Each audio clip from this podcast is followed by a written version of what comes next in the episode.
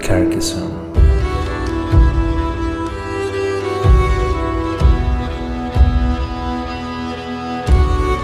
Mi nombre es Joaquín y esto es Meeple Podcast.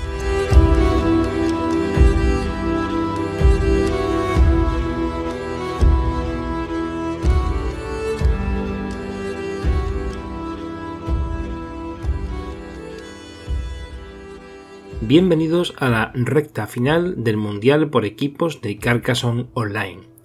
Estamos en cuartos de final. Recordemos que España salió en la ronda previa a esta fase de playoffs ante Chile, perdiendo por un contundente 4 a 1, al igual que México, que cayó ante Estados Unidos por un abultado 5-0. Pero tanto los chilenos como los americanos han sido apeados del Mundial por japoneses y rusos, respectivamente con sendos resultados de 4 a 1.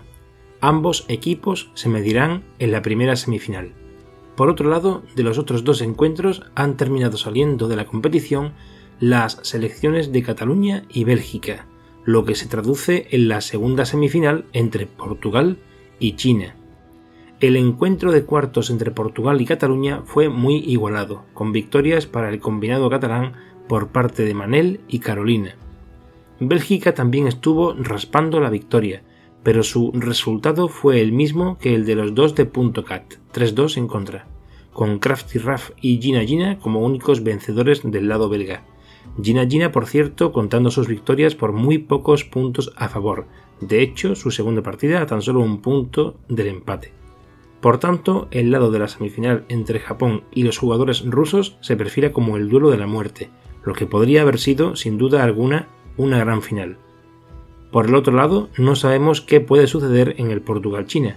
¿Habrá final asiática la última semana del Mundial?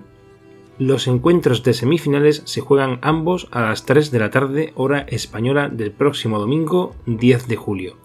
Y ahora un poco de estadística gracias a la recopilación de información por parte de los compañeros de Punkat. Tras la fase de grupos se habían disputado un total de 66 encuentros, consistentes en 330 duelos uno contra uno, para un equivalente de 803 partidas jugadas, donde curiosamente Japón, Portugal y rusos ganaron en sus respectivos grupos a pesar de salir derrotados en su primer encuentro.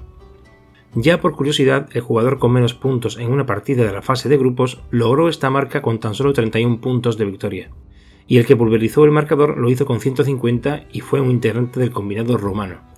Y el duelo más igualado se produjo entre el equipo español y el británico, con los jugadores Ziamat y Wallace Prime, siendo sus respectivos resultados a favor de Víctor por 2 a 1, perdiendo la primera partida por un solo punto, 108 a 109, y remontando las dos siguientes, 106 a 104, tan solo dos puntos, y 81 a 80, de nuevo por un solo punto.